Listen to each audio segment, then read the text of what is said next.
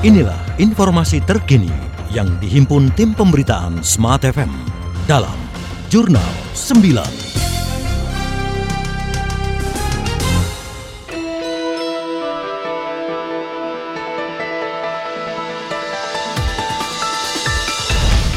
Saya Alina Mahamel dalam Jurnal 9. Kementerian Perhubungan akan memperketat industri penerbangan nasional, khususnya terkait pelayanan maskapai penerbangan. Pemerintah akan menerapkan peraturan dalam Undang-Undang tentang penerbangan, yakni seluruh maskapai minimal memiliki 10 unit pesawat. Maskapai yang tidak dapat memenuhi standar tersebut hingga batas waktu Juni 2015 disarankan untuk bergabung dengan maskapai lainnya. Sementara itu Menteri Perhubungan Ignatius Jonan telah menandatangani nota kesepahaman Air Traffic Agreement dengan pemerintah Ceko. Nota kesepahaman tersebut memungkinkan maskapai Czech Airline melakukan kode share agreement dengan maskapai Garuda Indonesia. Duta Besar Indonesia untuk Polandia Peter F. Gonta mengatakan, Kementerian Perhubungan berencana melakukan kerjasama serupa dengan negara-negara Eropa lainnya untuk mendukung pengembangan industri pariwisata nasional. Anda tengah mengikuti Jurnal 9 dari Radio Smart FM. Presiden Joko Widodo telah menginstruksikan Menteri PU Basuki Hadi Mulyono untuk memulai proses pembangunan jalan tol Serang Panimbang pada tahun ini.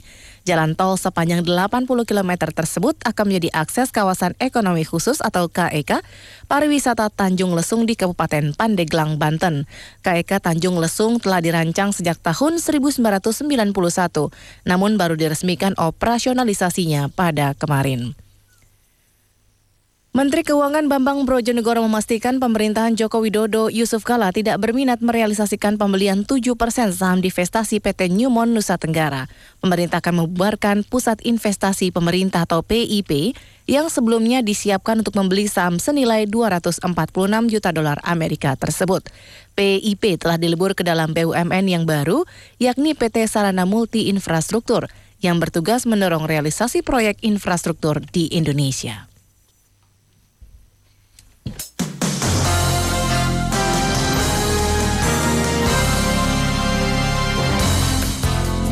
Demikian Jurnal 9. Nantikan kembali informasi aktual berikutnya satu jam mendatang dari Radio Smart FM.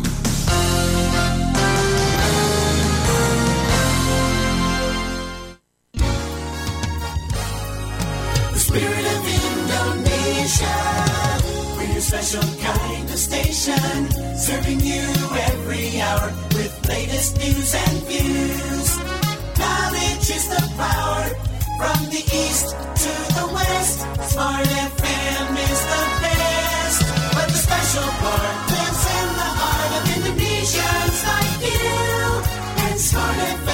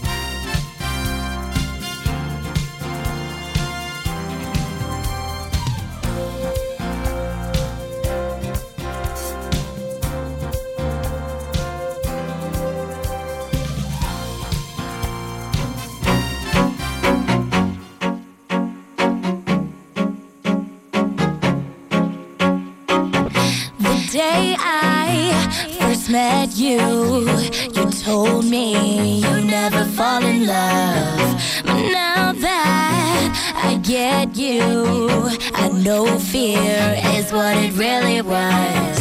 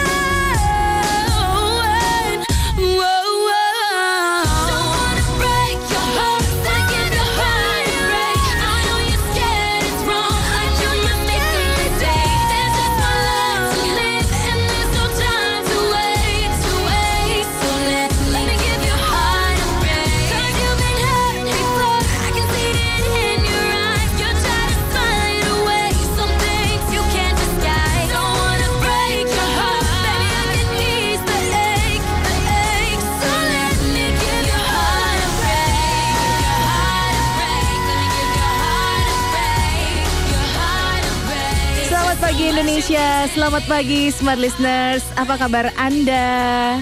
Lagu dari Demi Lovato sudah membuka kebersamaan kita pagi hari ini dalam Smart Business Talk. Seperti biasa ada saya Lina Mahamel di hari Selasa pagi ini ya. Dan untuk kesempatan Selasa pagi ini saya sudah ditemani oleh Pak Tung Desa Waringin yang sudah bersama saya di studio Smart FM. Selamat pagi.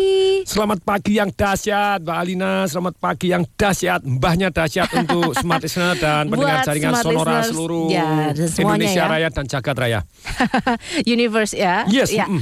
Oke Pak Tung, Pak Yes. Tung sudah membawakan kedahsyatan semangatnya yang luar biasa untuk Anda semua smart listeners. Jadi kami juga mengajak Anda untuk bergabung dalam talk show selama satu jam ke depan.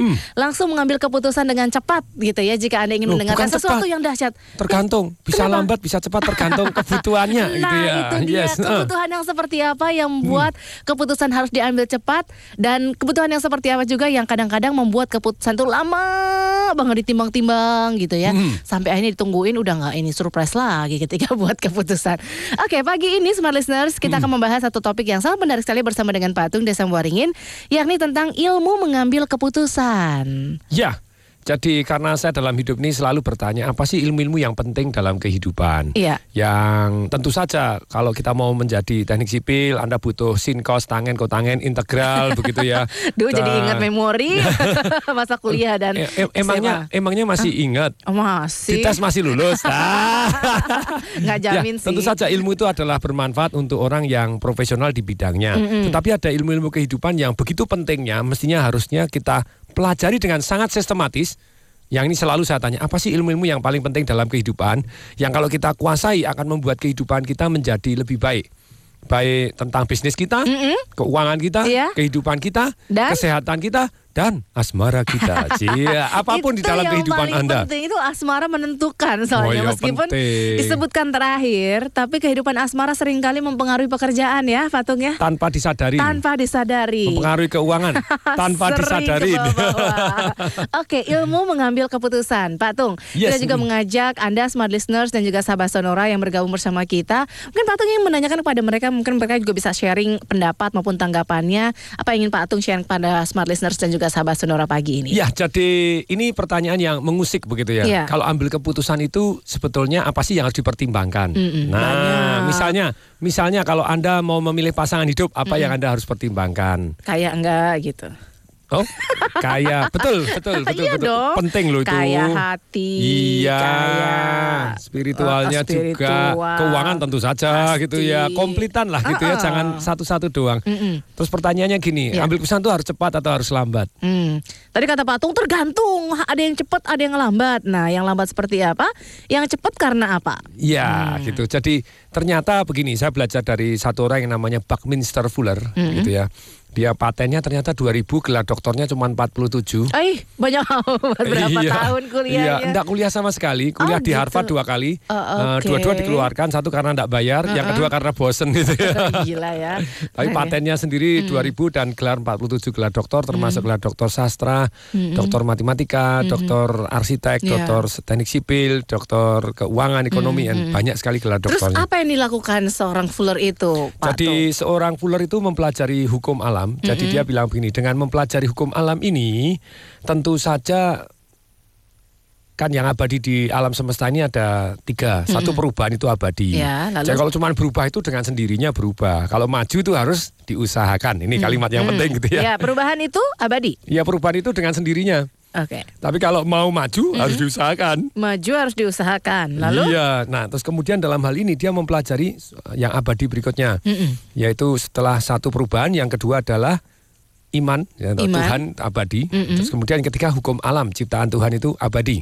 Oke. Hukum alam ciptaannya Tuhan abadi. Nah dia mempelajari hukum-hukum alam, termasuk salah satu kata-kata yang dia pelajarin adalah unity. Unity. Unity itu adalah minimal kesatuan dari dua hal. Kesatuan dari minimal dua hal unity. Di dalam alam semesta ini semua ada pasangannya dan mereka adalah unity gitu ya. Baik, buruk, Mm-mm. tinggi, Pendek. pendek. Gemuk, Gemuk kurus. gemuk banget. gemuk, gemuk banget. Nah, minimal dua, jadi bisa Oke. tiga. Nah, ternyata semua itu ada manfaatnya di dalam kita mengambil keputusan kalau kita bisa mempertimbangkan bukan hanya sisi positif, bukan hanya sisi negatif, melainkan sudut pandangnya orang lain juga. Terus kemudian istilahnya begini, semua itu ada minimal dua sisi. Nah, kalau minimal dua sisi kita bisa pertimbangkan dan kita bisa manfaatkan dua-duanya, kita akan ngambil keputusan lebih bijaksana gitu ya. Nah, sekarang begini, bagaimana teknik-teknik yang saya kumpulkan? Karena saya terus tanya, mengambil keputusan penting atau penting banget? Penting banget. mulai kita bangun tidur aja sudah harus ambil keputusan. Iya. Bangun atau Tidur lagi.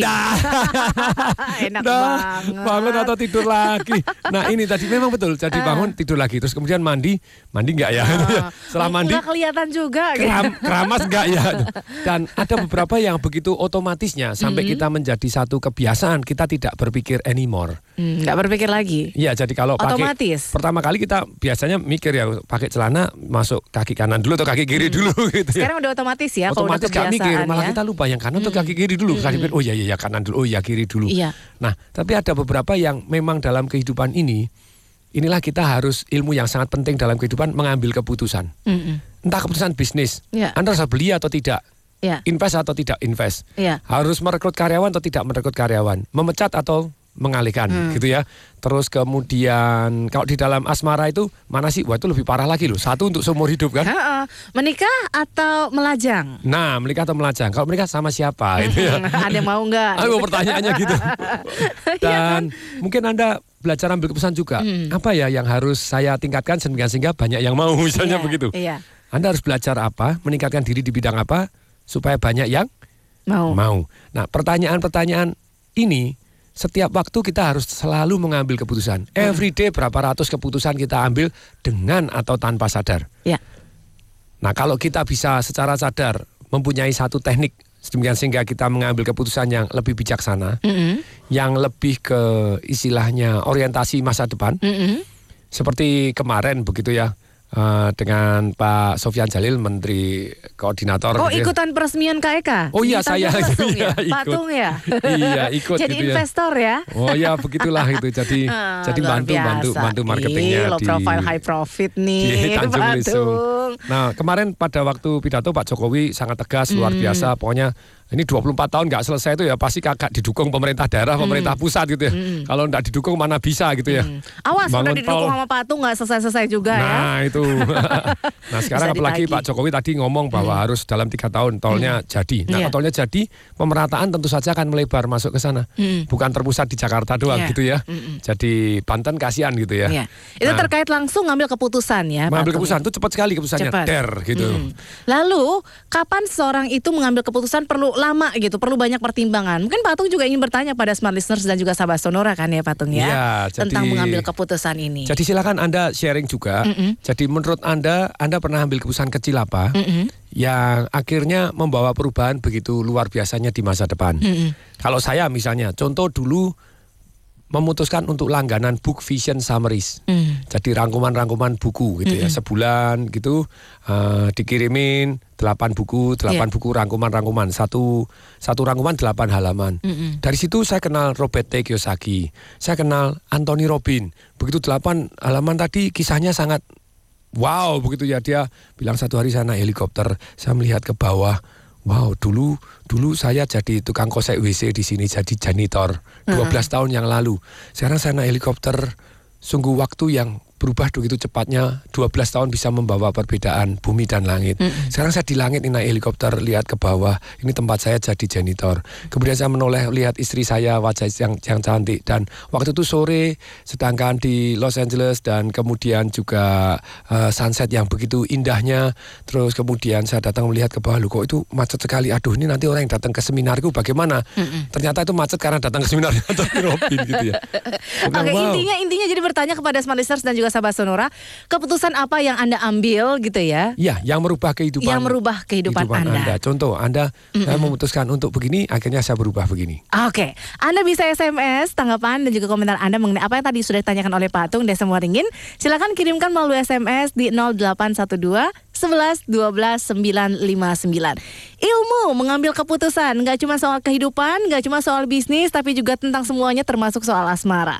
Tentang mengambil keputusan ini masih kita akan bahas lebih lanjut. Tapi sebelumnya kita jeda dulu ya Pak Tung ya. Ya, hmm. Untuk beberapa informasi komersial berikut, Smart Business Talk akan segera kembali. Smart Business Talk. Smart Business Talk with Tung Desem Wadingin. Bagaimana cara agar bisnis berkembang lebih maksimal atau mempertahankan sukses bisnis yang optimal?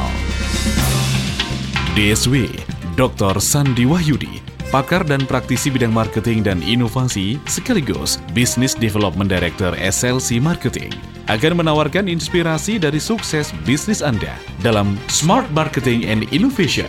Seluk-beluk pengembangan perusahaan dari sisi A hingga Z marketing dan inovasi. Kalau produk yang Anda pasarkan adalah produk-produk yang masih tergolong baru di pasar, maka sebaiknya Anda gunakan strategi price skimming. Sebaliknya, jika Anda masuk pasar yang sudah red ocean, maka strategi price penetration adalah yang terbaik buat Anda. Smart Marketing and Innovation. Kami hadirkan untuk Anda para pebisnis yang ingin meraih sukses yang potensial, menghargai sukses lebih maksimal, dan mempertahankan sukses yang optimal. Ikuti inspirasinya setiap hari dan jangan lewatkan talk show-nya setiap Senin mulai jam 5 sore hanya di 889 Smart FM Surabaya. Smart Marketing and Innovation, connecting and empowering your business. Celotehannya memang sederhana, tapi syarat akan makna. Kadang-kadang orang bener, reaksinya keliru, itu kebenarannya jadi nggak tambah. Ada hal-hal yang di luar jangkauan keumuman manusia biasa yang mampu ia sajikan dengan bahasa yang apik sekaligus menggelitik. Biasanya orang yang gampang cemburu itu adalah orang yang mengalami korsleting di dalam. Sakit deh. Iya, sakit gigi. Sakit gigi itu ada orang batuk saja dikira menghina, kan gitu kan? Inilah sang penggoda Indonesia, Pri GS dalam Refleksi. Saya Santi Rosalia Setiap Jumat bersama jam Anda. 19 waktu Indonesia Barat disiarkan langsung dari Radio Sonora Semarang 98,9 FM dan dirilai di seluruh Indonesia melalui jaringan Radio Smart FM dan Sonora Network.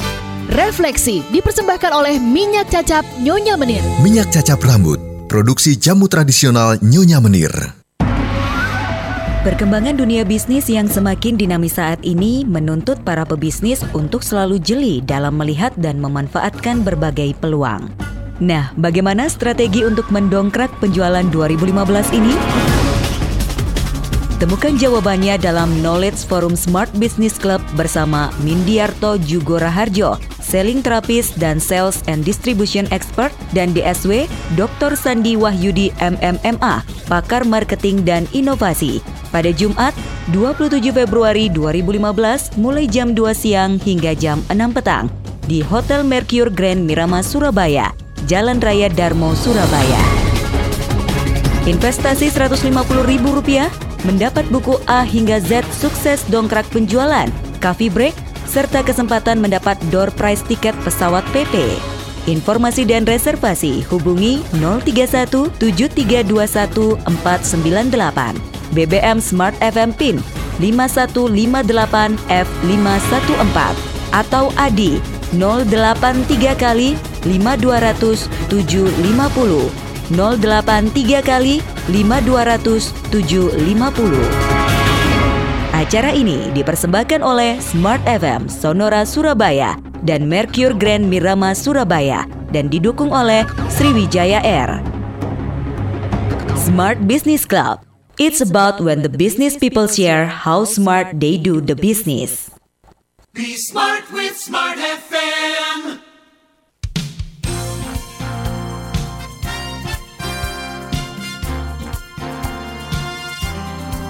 Vision Summaries tadi berarti sudah berapa tahun ya? Loh, berapa? 20 tahun yang lalu ya. Uh, lagi ganteng-gantengnya tuh ya patung ya. Sekarang juga masih ganteng gitu ya. Oke, silakan kirimkan kalau Anda punya pengalaman seperti yang tadi diceritakan juga oleh Patung dari sisinya Patung ya di 0812 11 12 959. Dan Anda juga bisa kirimkan nama dan juga alamat email Anda kepada SMS kami ya Patung ya. Ya, kalau Anda mm, ceritanya gini, mau mendapatkan pelatihan 365 hari melalui email, yaitu tentang kehidupan, tentang bisnis, tentang properti, saham, internet, ataupun buku-buku yang saya baca, ataupun inspirasi yang saya dapat, renungan-renungan yang saya lakukan selama 365 hari melalui email secara gratis. Biasanya Anda harus bayar tiga juta enam ratus. Sekarang gratis. gratis tistis untuk pendengar smart listener juga jaringan Sonora yang saya cintai. Anda cukup SMS nama dan email Anda ke 0812 11 12 959. Ya. Tolong diulangi Mbak Linda. 0812 11 12 959. Gampang sekali 08, kemudian 12 ya, terus kemudian 11, kemudian 12 lagi, Ya. kemudian 959.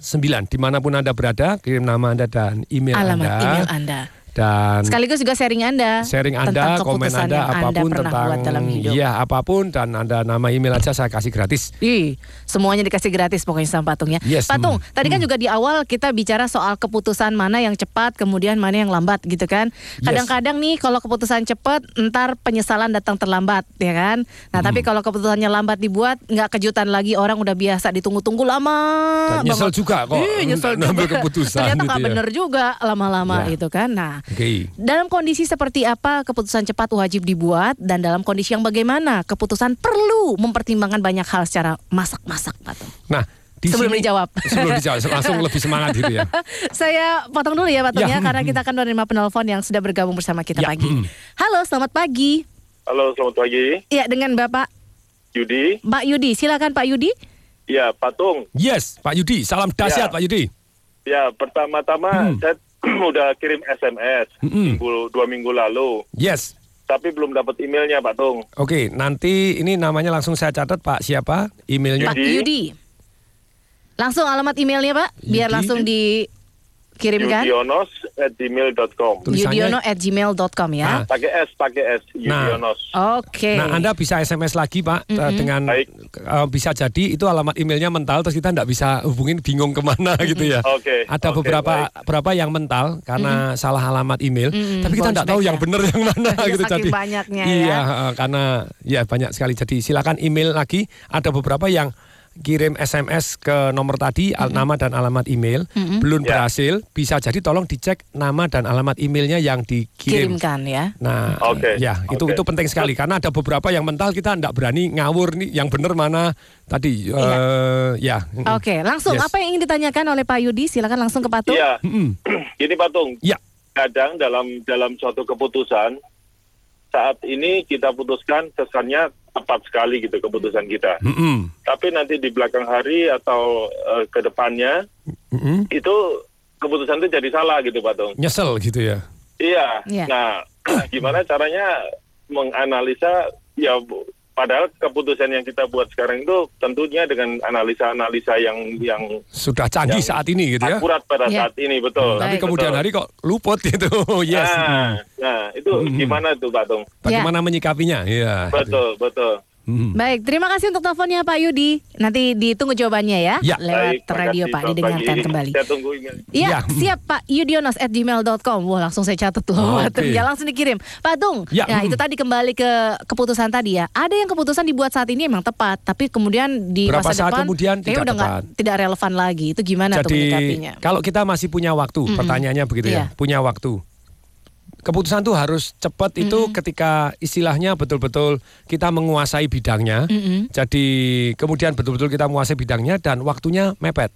Kuasai bidang dan waktunya pepet. Ya, Mepet, jadi oke. waktunya mepet kita menguasai bidangnya, kita ambil ambil keputusan cepat. Tapi kalau misalnya memang tidak memungkinkan untuk menguasai bidangnya, kita harus ambil keputusan cepat karena no time. Mm-mm. Tidak ambil keputusan sama dengan keputusan. Ya. Contohnya Anda mau terjun atau tidak terjun, belakang kebakaran, lantai 20 lah kan bingung tuh. Harus terjun kalau itu. Terjun mati juga gitu ya lantai 20. Tapi sama aja Anda tidak Iya. mengambil keputusan, Anda juga juga Ambil keputusan. sebetulnya itu keputusan. Iya, betul. Kalau Anda tidak ambil keputusan, terjun tidak, terjun tidak. Bahkan Anda diam pun adalah keputusan diam kan? itu adalah keputusan. Mm-mm. Nah, Terus pertanyaannya gini, sejauh mata memandang kita, telinga mendengar, hati merasakan, pikiran menganalisa, apa pun yang kita ambil keputusan di masa lalu, sebetulnya apa pun loh ya, Mm-hmm. walaupun hasilnya hari ini tidak begitu bagus, itu sudah terbaik di masa lalu. Lalu haruskah kita Dengan- mengevaluasi Oh keputusan itu? harus, harus. Kalau tidak dievaluasi kita tidak maju. Hmm. Gini, keputusan yang mengakibatkan hal yang salah itu bukan dosa kok. Bahkan ketika saya belajar kuliah di Fakultas Hukum, Mm-mm. kan kita punya pertanyaan, hakim itu apa ya? pasti betul 100%. Apakah seumur hidup? Apakah sepanjang masa Ya itu kan jawabannya benar? malah enggak. Jawabannya Enggak ya? begini. Kalau hakim itu sudah memutuskan, Mm-mm. itu sudah satu pahala. Kalau keputusannya benar, Mm-mm. dua pahala. Kalau keliru? Yang paling penting itikat hatinya baik. Hmm. Jadi sejauh mata memandang, telinga mendengar, hati merasakan, pikiran Komplit. menganalisa, itu bahwa keputusannya itu benar saat itu gitu Hmm. ya. Anda belum tentu ke depan itu ternyata benar, tapi dia ngambil satu keputusan aja, entah salah entah benar selama itikatnya baik dan pertimbangannya benar Hmm, begitu ya. I- Itu adalah satu pahala. Kalau keputusannya benar, dua pahala. Kalau keliru? Kalau keliru itu ceritanya gini. Nah inilah yang sampai saya belajar dari Pak Mr. Fuller. Bukunya namanya Mystic Mystic You. Hmm. Mistisnya kesalahan. Jadi ternyata Mistiknya seluruh kesalahan. kema ya mistisnya kesalahan bahwa selama kita ini terus memperbaiki diri dan istilahnya salah itu bukan dosa selama kita akui dan kita perbaiki. Hmm. Karena tidak ada satupun kemajuan di dunia yang dibuat tanpa kesalahan. Saya ulangi lagi, tidak Iya. ada satupun kemajuan Ini di dunia ini. benar-benar nih pelan-pelan Patung bilangnya Patung. Tidak biar ada meresap. satupun kemajuan di dunia ini Mhm. Tidak ada satupun kemajuan di dunia ini lanjut. yang Ah, dibuat tanpa adanya kesalahan. Pasti selalu ada kesalahan. selalu ada kesalahan, tapi Jadi, kesalahan itu bukan dosa ya. Bukan dosa selama kita akui dan kita Mhm. perbaiki. Oke. Jadi tidak semua keputusan kita bakal benar forever. Mm-mm. Damai-damai saja. Mm-mm. Bahkan kalau bayangkan kalau kita contohnya jala ah, siapa yang pernah jadi anak-anak? Mbak Alina pernah jadi anak-anak? Oh iyalah masa saya lahir langsung segede gini. Oh iya langsung gede gitu ya. langsung kumisan loh Mbak Alina kumisan kan. Jadi Ah. gini, kalau anak-anak belajar jalan, Mm-mm. apakah pasti lancar? Enggak, jatuh-jatuh dulu. Normal. Mm. Tapi coba bayangin begitu jatuh terus kemudian dia duduk terus kemudian bilang aku enggak berbakat jalan. Bisa jalan nggak? Enggak akan bisa. Enggak, enggak bisa. Nah, tentu saja kita problemnya ada dua gitu setelah kita ambil keputusan. Begitu kita sudah terjalan, misalnya Anda sudah bisa jalan, terus apakah Anda terus berhenti tidak punya goal lagi? Hmm. Enggak dong. Anda terus duduk, aku sudah bisa jalan, enggak usah jalan lagi. Enggak, setelah Anda bisa jalan, Anda punya goal, bisa lari, Iya. bisa begini, bisa gini, terus meningkatkan diri. Jadi hakikat goal itu sebenarnya sarana kita untuk membuat kita punya arah. Setelah kita sampai di goalnya, percaya atau tidak, kita merasa kok kurang lagi. Jadi kita butuh goal lagi untuk dikejar. Itu normal-normal saja.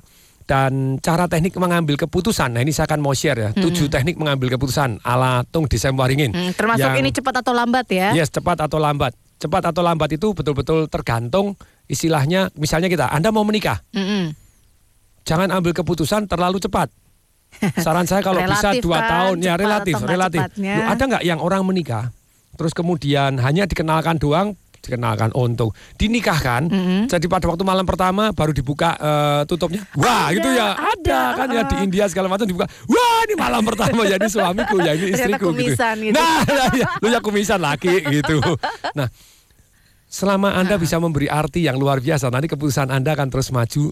Gini, kalau me- menikah Anda milih sendiri, ya lebih baik take a longer time, a little bit longer time lah, satu satu tahun, dua Untuk tahun, berpikir supaya Anda bisa mengetahui lebih lebih damai, lebih mantap, lebih tenang. Latar belakangnya. Dan ambil keputusan gitu ya. datanya jangan salah. Kalau Anda mengambil data terus kemudian menggeneralisasi, dibukakan pintu ceklek, oh ya saya dibukakan pintu nih orangnya kok baik banget. Jadi menikah karena apa? Karena dibukain pintu. Lah celaka gitu ya. Karena semua orang bisa bukain pintu walaupun eh, ini jadi ke- keputusannya bukan hanya karena satu titik. Tapi Anda secara sistematis ambil keputusan. Nih, sebentar nih. Saya mau mau share teknik mengambil keputusan begitu ya. Tapi Jadi nanti aja di share-nya ya. Tujuh teknik mengambil keputusan Ya, keputusan ala ala Pak Tung ya, Waringin dan, kan. dan dari guru-guru saya yang saya belajar yang ternyata membuat saya mengambil keputusan jauh lebih bijaksana. Uh-uh. Hasilnya tetap aja mungkin salah gitu ya, tapi kita sikapin bahwa tenang kok, suatu keputusan yang salah itu tidak perlu kita sesalin ataupun kita kutukin enggak. Karena yang kita ambil keputusan itu sudah yang terbaik saat itu. Oke. Dengan wisdom kita saat itu gitu ya. Ya. Tapi yang paling penting kita syukuri kita sudah ambil keputusan. Yang kedua kita pelajarin sehingga sehingga besok kita lebih baik. Jadi kita maju. Oke. Nah, ini ada tujuh cara. Nanti share kita sekarang? akan share ya. Yes. Tujuh cara mengambil keputusan ala Tung Desem Waringin akan di-share Dan oleh dari guru-gurunya yang saya pelajarin gitu ya. Pastinya dong ya. Ini belajar sungguh-sungguh karena ilmu penting. Iya, ilmu penting banget nih mengambil keputusan soalnya ya. Ah, nanti kita akan lanjutkan kembali ya Pak Tung ya, tapi kita break dulu untuk beberapa informasi berikut. Smart Business Talk akan segera kembali. Talk Smart Business Talk with Tung Desem Waddingin. Gong Sifat Chai. Kejutan hadiah di pohon angpau dari maskapai Sriwijaya Air. Selain terbang nyaman dan aman dengan Sriwijaya Air, Anda juga berkesempatan meraih hadiah. Transaksi minimal 1 juta rupiah per kwitansi, periode penjualan 9 Februari hingga 9 Maret 2015, berhak mengikuti undian hadiah berupa 4 voucher tiket, uang tunai, dan souvenir. Segera hubungi Distrik Surabaya 031 549 1777. KCP Kediri 0354 672 111. KCP Gresik 031 397 2777. Sriwijaya Air, your flying partner.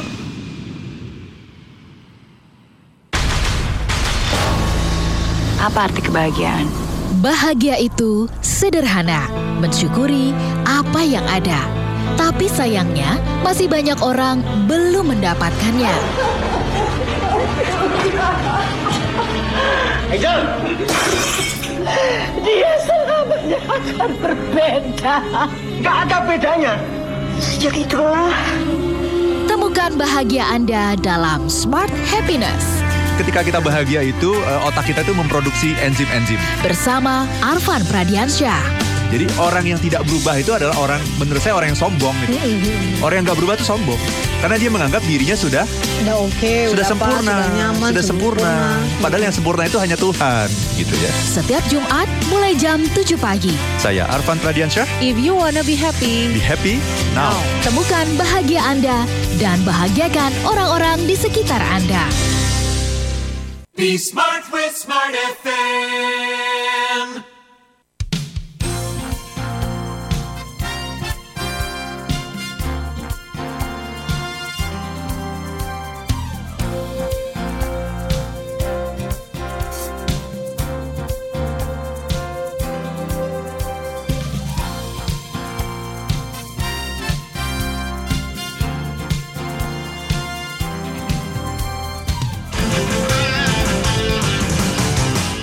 Smart Business Talk. Smart Business Talk with Tung Desem Wadingin.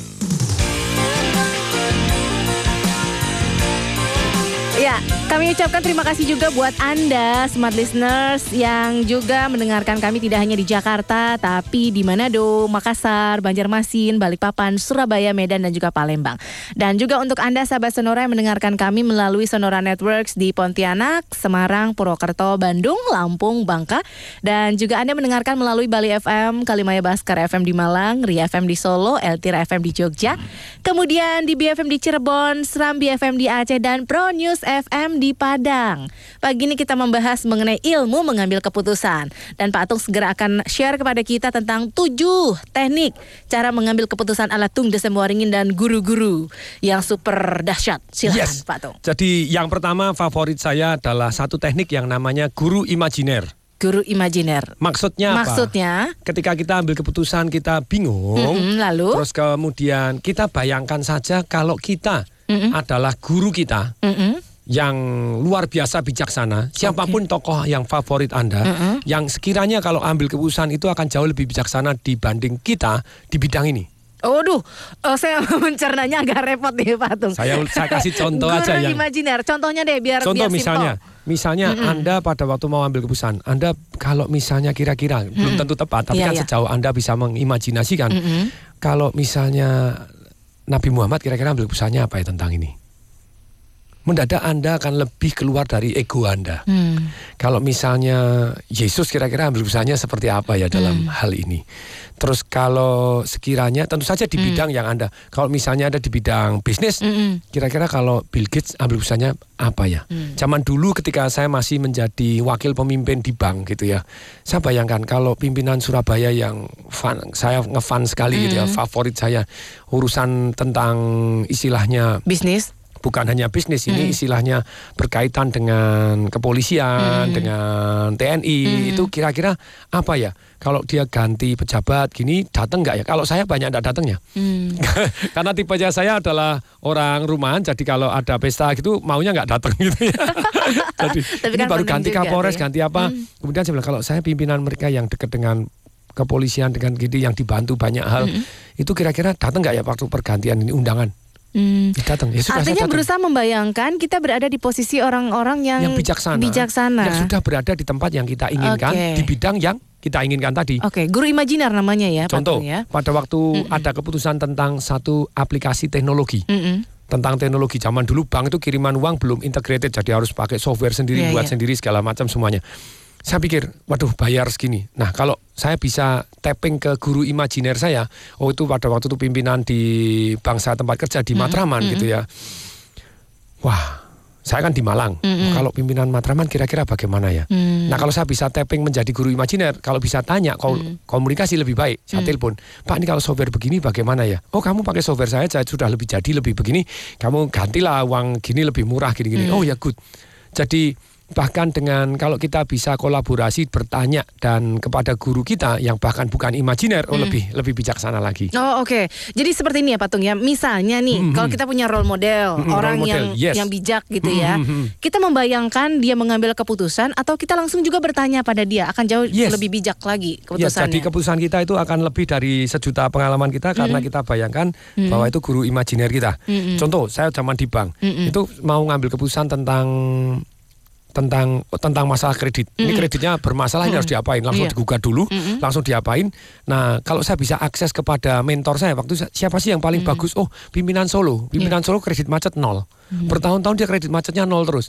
Lu kalau sekali kredit macet nol itu bisa jadi beruntung. Tapi kalau nol terus itu berarti ada strateginya yang harus saya pelajarin. Iya. Nah, saya telepon ke beliaunya, tapi ternyata beliaunya oh enggak, enggak, enggak cerita. Jadi mungkin dia tidak orangnya tidak aksesibel, tidak enggak bisa saya akses. Saya akses ke anak buahnya ke kepala bagian kreditnya itu kok bisa nol? Oh gini pak, kita lakukan gini. Belum apa sudah kita masukkan. Ada pengacara internalnya. Jadi pengacara internal begitu belum macet, belum apa-apa sudah baru dua minggu telat langsung dikirimin surat bahwa anda harus menyelesaikan kalau enggak kita akan eh, eksekusi akan digugat. Nah satu bulan enggak langsung keluar surat pengadilan disomasi biaya murah pak empat ribu langsung dibayar.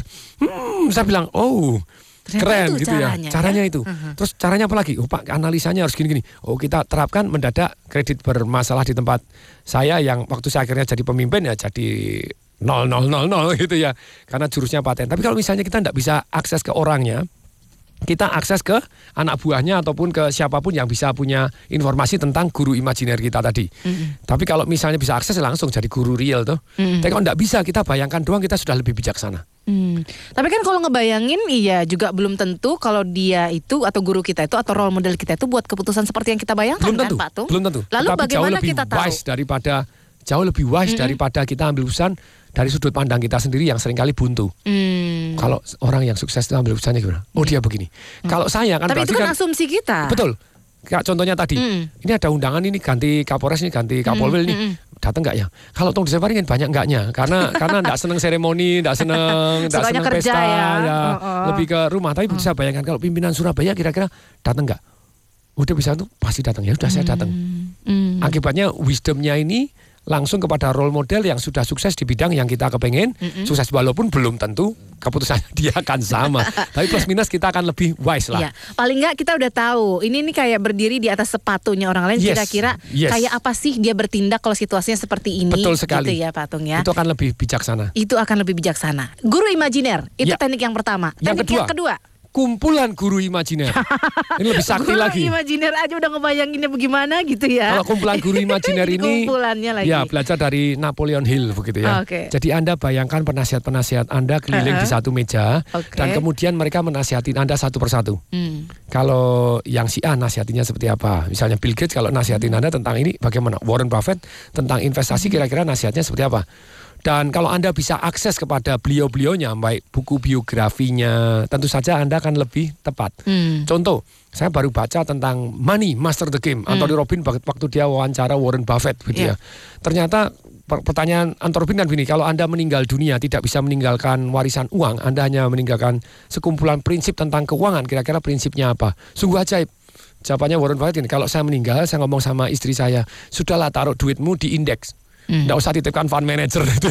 Fund manager nanti jual dipotong, beli dipotong dan saya taruhan sama dia berani saya taruhan sama sama fund manager. Anda bisa yakin menang 4 tahun berturut-turut dibanding indeks. Indeks itu gabungan harga saham. Hmm. Iya. Taruhan 2 juta dolar. Mhm.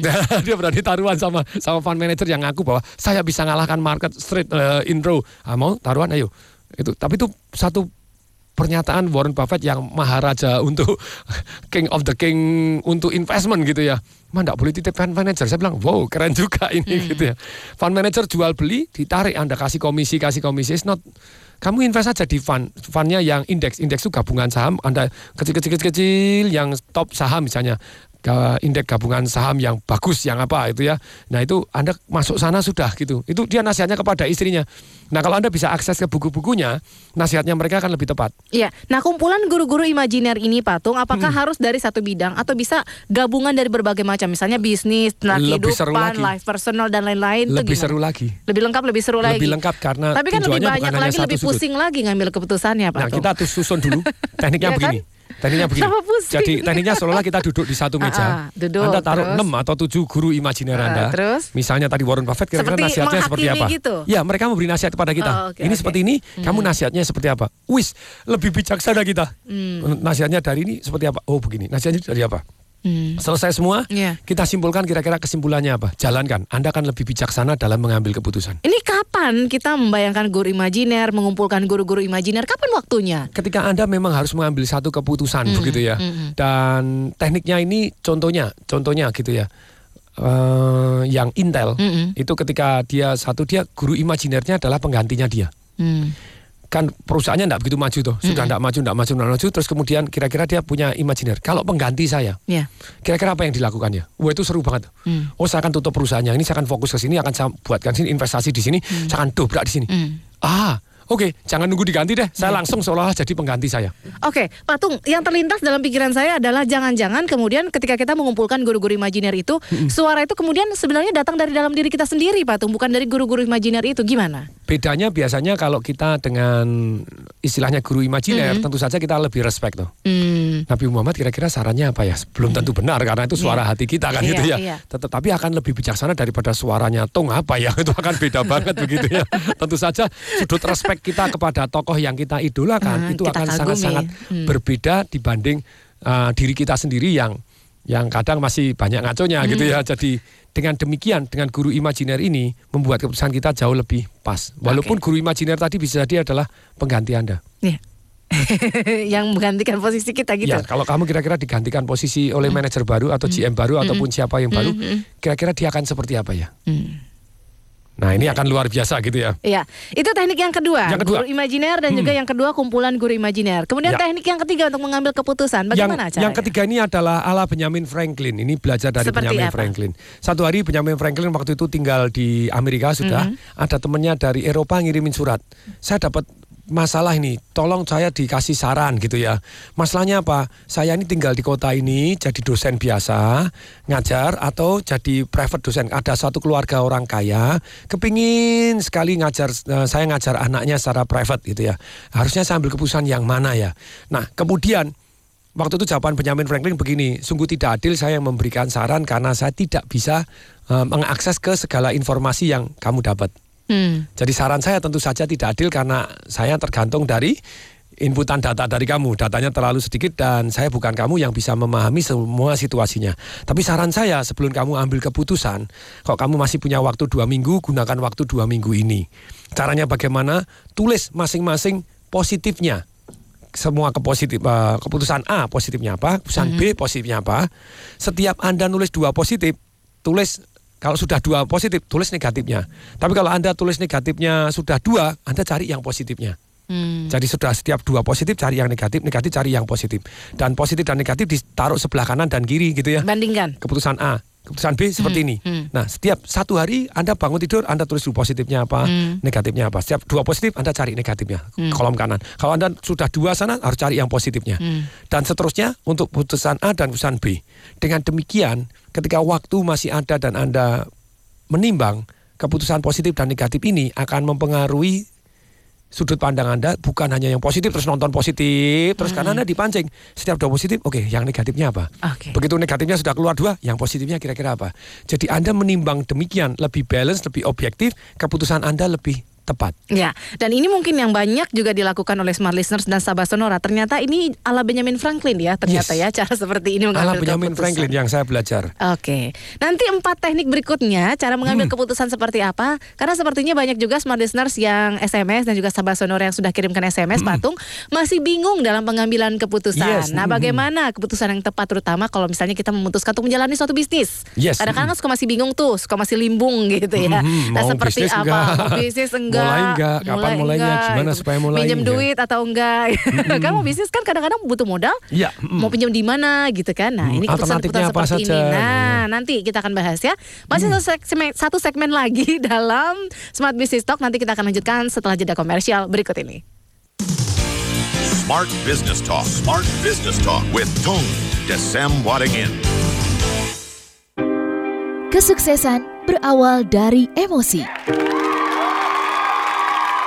Tapi kehancuran juga berawal dari emosi.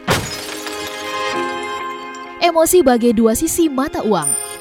Agar memberikan kekuatan yang besar untuk mendorong Anda meraih sukses, emosi harus dikelola dengan cerdas. orang sadar bahwa iya ya, bagaimanapun juga kualitas emosi, bagaimana kita bekerja, bagaimana caranya kita mengelola mood kita sehari-hari itu berkaitan erat dengan produktivitas pekerjaan kita. Bersama Anthony Dio Martin, dapatkan strategi mengelola emosi dengan cerdas. Otak kanan kita lah, tapi ada hubungannya sisi lain di mana kita harus menyeimbangkan dengan balance dari sisi yang lain.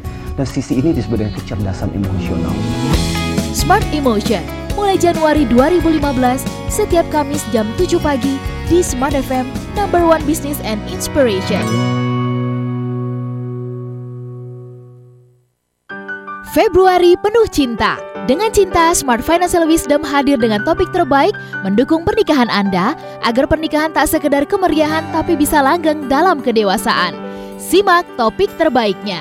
Persiapan dana pernikahan 4 Februari.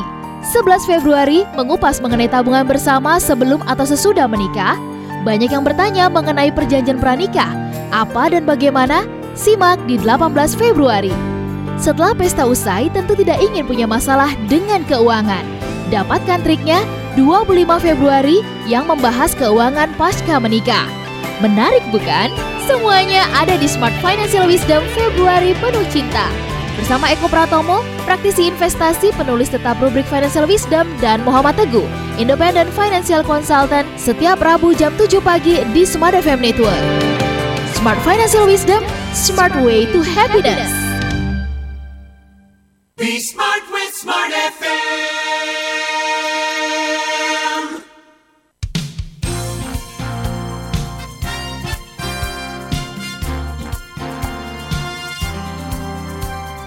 Tuh gimana ya patungnya kita sampai benar-benar bisa tegas, terus juga ini keputusannya cerdas, banyak manfaat, nggak salah. Oh kalau salah itu normal ya manusiawi kan tadi kata patung Manusiawi ya. selama salah itu sekali lagi salah itu bukan Asal dosa. mengakui, ya. Asal kita akui dan kita perbaiki gitu ya. Iya, dan iya. kalau tidak pernah kita perbaiki Uh-uh. kemudian hari ini hukum alam. Iya. Sesuatu hal itu akan diulangi terus alam semesta sampai kita belajar. Uh. Tidak belajar terus diulangi terus sama alam semesta. itu isinya belajar kok ya. Yes, mm. Oke Patung, teknik keempat setelah tadi ada guru imajiner, kemudian kumpulan guru imajiner dan juga mengambil keputusan ala Benjamin Franklin. Yang keempat tekniknya Kalau seperti yang apa? Benjamin Franklin setiap dua positif kasih satu negatif, Ah, ah. setiap dua negatif kasih satu positif Ya. di masing-masing pilihan, Mm-mm. kemudian direnungkan, Mm-mm. keputusan kita akan lebih objektif. Itu Lebih caranya objektif. Benjamin Franklin. Benjamin Franklin. Berikutnya, Yang berikutnya. Berikutnya begini, Mm-mm. ada satu yang namanya ala Daniel Kahneman. Oh, bukan ala-ala ya. Ya, ala Daniel Kahneman ini pemenang Aha. Nobel tahun 2002, Nobel Ekonomi gitu ya. Aha. Dia judul bukunya Think Fast and Think Slow. Think fast and think slow. Jadi manusia Mhm. itu kita yang namanya think fast itu adalah emosional. Kita suka tidak suka di bawah 6 detik. Nah kalau keputusan kita berdasarkan suka tidak suka, terus Mhm. kemudian mempengaruhi pertimbangan kita akal sehat, Iya. menghitung untung dan ruginya, itu tentu saja keputusannya akan jadi salah. Contoh, nah ini, jadi kalau think fast itu misalnya kita wajahnya gini deng, orang bisa merasakan bahwa kita tidak suka karena matanya berkerut, matanya begini, Mhm. eh, melihat kita sepersekian detik kita tahu plus minus itu tidak suka. Mhm. Kita menangkap emosinya orang. Itu think fast. Think fast. Yang think keluar fast ini- emotional ya suka tidak suka. Oke. Suka tidak suka itu sebetulnya terkait dengan masa lalu kita Ya. dan belum tentu tepat untuk ke depan. Oke. Lebih banyak tidak tepatnya gitu ya. Nah, terus kemudian kalau think slow misalnya 24 kali 17 berapa? Ngalin Mbak dulu Alina? ya. Saya kali coba, dulu ya. Coba, coba, ayo. Ayo smart listener, tolong dihitung. 24 kali 17, ayo. 24 kali 17, iyo. Tiga tiga nol delapan. Ah ya, salah lah ya. Ayo, ayo, ayo, ayo. Salah ngitung kan? Ah. Ayo, ayo, ayo, ayo. 18. Oke. Iya benar kok. 24 kali 17. 318. Enggak dong. 24 kali 17 kan? Nah lu berapa ayo?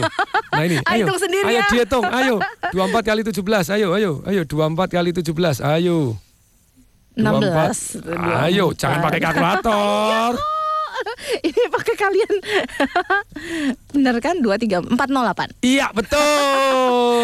Nah, Ini tenang, salah enggak masalah Uh-uh. selama diakui kan itu dan diperbaiki. Iya maaf. Kalau- Tadi nulisnya salah. Ya, jadi 24 kali 17 408. Hmm. Tapi ada yang tidak ngitung, ada yang gini. Ternyata begini, kalau kita tidak menghitung hanya berdasarkan suka tidak suka, sering kali eh, keputusan kita emosional dan tidak cocok untuk di masa depan. Hmm. Dan kita mikir, misalnya contoh, ada temennya Daniel Kahneman beli saham Ford mobil gitu ya. Ditanya, kenapa kamu beli? Wah hebat sekali, karena pamerannya oh, mobilnya bisa mundur sendiri, bisa begini, yang nonton banyak. Karena dia asumsi bahwa kalau nonton banyak, itu berarti oh, pasti laris. Hmm. Padahal enggak pada waktu itu pada waktu itu gitu ya. Tahukah Anda bahwa return on investmentnya berapa? Jadi kalau Anda investasi saham di situ kapan baliknya? Dia bilang enggak tahu. Hmm. Kamu tahu nggak sekian ribu karyawan sedang dirumahkan? Nggak tahu juga pada waktu itu gitu ya. Kamu tahu nggak ini dalam kondisi Detroit ini lagi sungsara gitu ya ini eh, kondisimu? Nggak tahu juga gitu ya. Jadi dia nggak tahu, nggak tahu, nggak tahu, nggak peduli. Kenapa kamu beli? Suka. Hmm. Jadi orang kalau beli karena emosional itu keputusannya jadi tidak logis. Hmm. Termasuk Anda jatuh cinta. Mm-mm. Lu cinta penting nggak? Penting. Tapi kalau jatuh cinta kan eh, tayanya merasa Rasa ambek. cok coklat coklat Ferrero katanya gitu ya. Nah, memang betul kalau orang emosinya naik, intelektualnya turun. Hmm. Ini yang disarankan oleh Daniel Kahneman bagaimana kita mengambil keputusan. Anda harus menimbang lebih baik think slow. Hmm. Keputusan Anda kan lebih tepat. Itu Iya. makanya dia menang Nobel Ekonomi gitu ya. Jadi pemenang Nobel Ekonomi ini benar-benar bagaimana kita ngajarin think slow. Hmm. Nah, kalau think slow ini terkait dengan jurus berikutnya. Apa itu? Nah, jurus berikutnya ini adalah dari satu yang namanya chip and done hit. Mhm. Ini yang kelima. Ya, yang kelima, Oke. chip and done hit ini Mhm. Ini mengajarkan bahwa kalau kita ambil keputusan satu, Anda buat pilihan lebih dari satu. Buat pilihan lebih dari satu. Kalau Lalu? pilihannya cuma Mhm. satu, itu sama dengan ya wajib toh. Mm-mm. Ya mau nggak mau. Mau nggak mau. Kalau pilihannya dua, itu dilema. Ya. A atau B ya. Ya, semuanya bagus lagi. Jadi kelemahannya orang dalam mengambil keputusan menurut Chip dan Hit itu pilihannya terlalu sedikit. Hmm. Kawin sama mana ya? A atau A? Ya A mesti jawabannya gitu. Cuman di only one. Di only one gitu ya. Jadi Makanya buka buat mata banyak dulu. pilihan ya. Ya, Nonton 100 diantriin gitu. 100 Mau teman. Oh gitu. 20 100 teman gitu ya. Nomor antrian 10 teman satu. baik, 3 TTM, teman tapi mesra, satu akhirnya dipilih jadi pasangan gitu loh. Oh, oke. Jadi misalnya Anda pilihannya Buat A atau B, banyak, Anda buat ya. alternatif. Mm-mm. A dengan syarat. Mm-mm. Boleh si A, tapi dengan syarat. B dengan syarat. Uh-uh. C, D, Mm. E, Oke. F. Gabungan A, B, C. Boleh dong? Mm. Masa nggak bisa? Ya. Misalnya Umat dong. Loh banyak enggak. pilihan. Nah, dengan banyak pilihan Hmm. Anda lebih bijaksana daripada misalnya ini karyawan kurang ajar banget. Enaknya dikeluarkan atau enggak ya? nah, itu kan pilihan cuma dua, Iya, dilema, keluarkan atau enggak. Hmm. Daripada begitu kasih peringatan boleh enggak? Ditanya dulu lebih boleh enggak? Hmm, Terus boleh. kemudian dipindahkan dimutasi bisa enggak? Hmm, Bisa. Ditegur secara lesan mungkin Bisa, enggak? mungkin. Turunkan gaji dulu bisa boleh enggak? Boleh. Terserah. Jadi Anda banyak kok. pilihannya banyak Hmm. atau kombinasi kasih surat peringatan apabila diulangi terpaksa harus dikeluarkan misalnya begitu. Tapi alternatif itu bukan dikeluarkan atau enggak ya? Ya. Kalau Anda hanya cuma dua pilihan, oh dilema. Mm-mm. Jadi teknik ini supaya keputusan Anda lebih tepat, buat Perbanyak pilihannya yang semaksimal mungkin bisa win-win dua-duanya gitu ya. Itu teknik yang kelima. Yang Ya. keenam dan ketujuh, Pak Tung. Tunggu dulu Ini ke enam ke dipersingkat. tujuh ini. Oh persingkat, masih panjang lebar gitu ya. Nah kemudian yang pilihan Ah. teknik kelemahannya mengambil keputusan tadi, Ah, ah. ini kombinasinya gini, datanya salah. Uh-uh. Kalau datanya salah keputusannya Salah. salah. Jadi banyak orang mengambil ke itu datanya salah gitu ya. Contoh datanya salah. Kalau datanya salah, Anda keputusannya salah. Si A ini nyuri, keluarkan dong. Mm-mm. Lah tapi belum tentu nyuri ternyata. Sebetulnya dia mengamankan gitu ya. Informasinya keliru. Nah iya, data yang salah, Mm. Anda cek dulu datanya. Data yang salah mengakibatkan orang ambil keputusannya keliru. salah. Terus kemudian yang yang yang C itu namanya eh, kelemahannya kita dalam mengambil keputusan itu terjebak asumsi awal. Hmm. Ini Daniel Kahneman juga membahas, eh, Chip and Dandy juga membahas. Misal orangnya pintar, pintar, pintar, pintar, pintar, pintar. Satu hari kita baca namanya loh, kok dapat jelek, kita cenderung naikkan nilainya. Saya pernah tuh ulangan tidak bisa tetap aja dapat A sama gurunya tidak diperiksa. Tong dianggap pintar ya sudah selesai. Asumsi awal. Asumsi awal Berarti terjebak oleh asumsi awal. Berhasil mengambil perhatian Yes. sejak awal. Dan itu ya manusiawi kan? sekali. Hmm, hmm. Saya ngajarin ke anak-anak saya, kamu di depan guru ya tetap harus tampak pinter nak gitu ya. Supaya tampak pinter caranya begini begini begini. Kalau Anda dianggap bodoh, Hmm. Mendadak mempengaruhi Berarti memang dari awal sudah harus pintar mengambil hati. bukan gitu mengambil ya? hari, mengambil hati. Anda benar-benar belajar di awal. Hmm. Kalau belajarnya agak belakangan ya agak terlambat. Kalau Anda belajar sungguh-sungguh di awal, kesan gurunya pinter, Hmm. besok salah-salah dikit masih diampuni. Oke Pak Tung ini berhubung waktunya singkat. udah mau finish nih. Kelonengan udah mau bunyi nih. besok kita lanjutkan gitu ya. mau Tapi ini dilanjutin apa mau teknik-teknik diselesain dulu nih? Nih, 6 boleh. 7 disebutin Karena aja ini banyak sekali. ya. Oh ya saya sebutin dulu Mm-mm. misalnya. Tadi jadi yang ke yang D istilahnya yang yang kelima ala chip dan hit ini. Mm-mm. Jadi Anda merasa yakin 100%. Kalau Anda sudah yakin 100% Anda menutup mata terhadap sudut pandang yang lain. Mm. Atau istilahnya adalah fanas- fanatisme buta gitu ya. Pokoknya ini sama dengan ini. Pokoknya yang terbaik ini. Mm. Padahal dua-dua itu pasti ada manfaatnya, ada sisi baiknya gitu ya.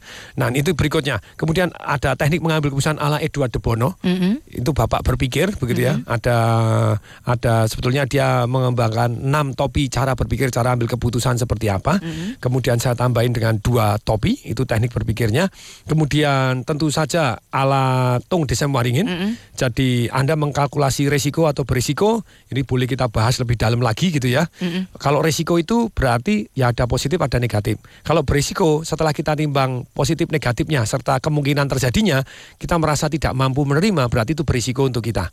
Besok kita bahas panjang lebar termasuk bagaimana kita menimbang sesuai dengan kemampuan kita yaitu keuangan, kemauan, jaringan kenalan kita, pengetahuan kita, keterampilan kita. Terus kemudian kita manfaatkan dengan teknik doa. Mm-mm. Nah itu penting sekali gitu ya. Anda doa, Tuhan betul kan ini, ini selesai. Setelah Anda timbang semua tutup dengan doa. Mhm. Setelah doa ambil keputusan, tes selesai gitu ya. Oke, Ada artinya sudah Hmm. sudah ada berbagai referensi tentang bagaimana cara Anda mengambil keputusan. Kalau kurang lengkap, nanti kita lanjutkan lagi ya Patung ya. Ya, minggu Karena- depan kita bahas lagi tentang teknik ambil keputusan karena sangat penting. Betul, penting banget ini ya, terutama poin 6 dan 7 yang belum dibahas oleh Patung ya. Ya. Poin 6 pun 1 sampai 6 nanti kalau misalnya masih ada yang kurang lengkap kita bahas ulang lagi ya Patung ya, Ya, tentang senang hati. tujuh teknik cara mengambil keputusan ala Pak Tung Desa Muaringin dan juga para guru-guru yang sudah dipelajari oleh Pak Tung.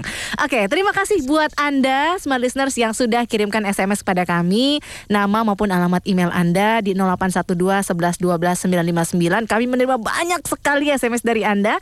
Nanti Anda akan mendapatkan tips pelatihan dari Pak Tung Desa Muaringin. 365 hari 365 melalui hari email. melalui email. Tentang kehidupan, bisnis, Mm-mm. properti, saham, keuangan, Semuanya, internet, termasuk apa pun. asmara ya. Ya, yang apa pun yang jadi landasan pemikiran-pemikiran saya. Oke. Caranya gimana? Ketik nama dan email Anda. Kirimkan. Anda SMS ke. Mhm. 0812 11 12 959. Ulangi pelan-pelan sekali lagi. 0812 11 12 959. 0812, kemudian 11, kemudian 12 lagi, kemudian 959. 0812 11 12 959. Oke, kita lanjutkan kembali dua minggu lagi dari sekarang ya Pak Tung ya. Lu kelihatannya Kita- baru mulai loh nih. Udah, udah pulang ditungguin seminar Pak Tung. Kita akhiri Smart Business Talk untuk pagi hari ini. Terima kasih atas kebersamaan Anda. Akhirnya saya Alina Mahamel. Dan Tung Desember ingin. Kami mengucapkan Salam dahsyat. That was Smart Business Talk with Tung Desem. Brought to you by Smart FM Network.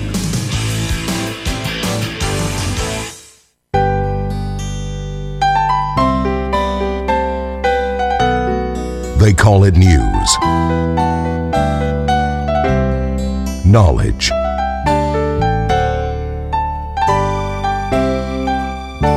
business information.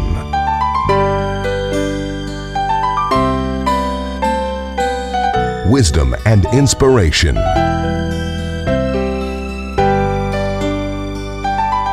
But we call it smart.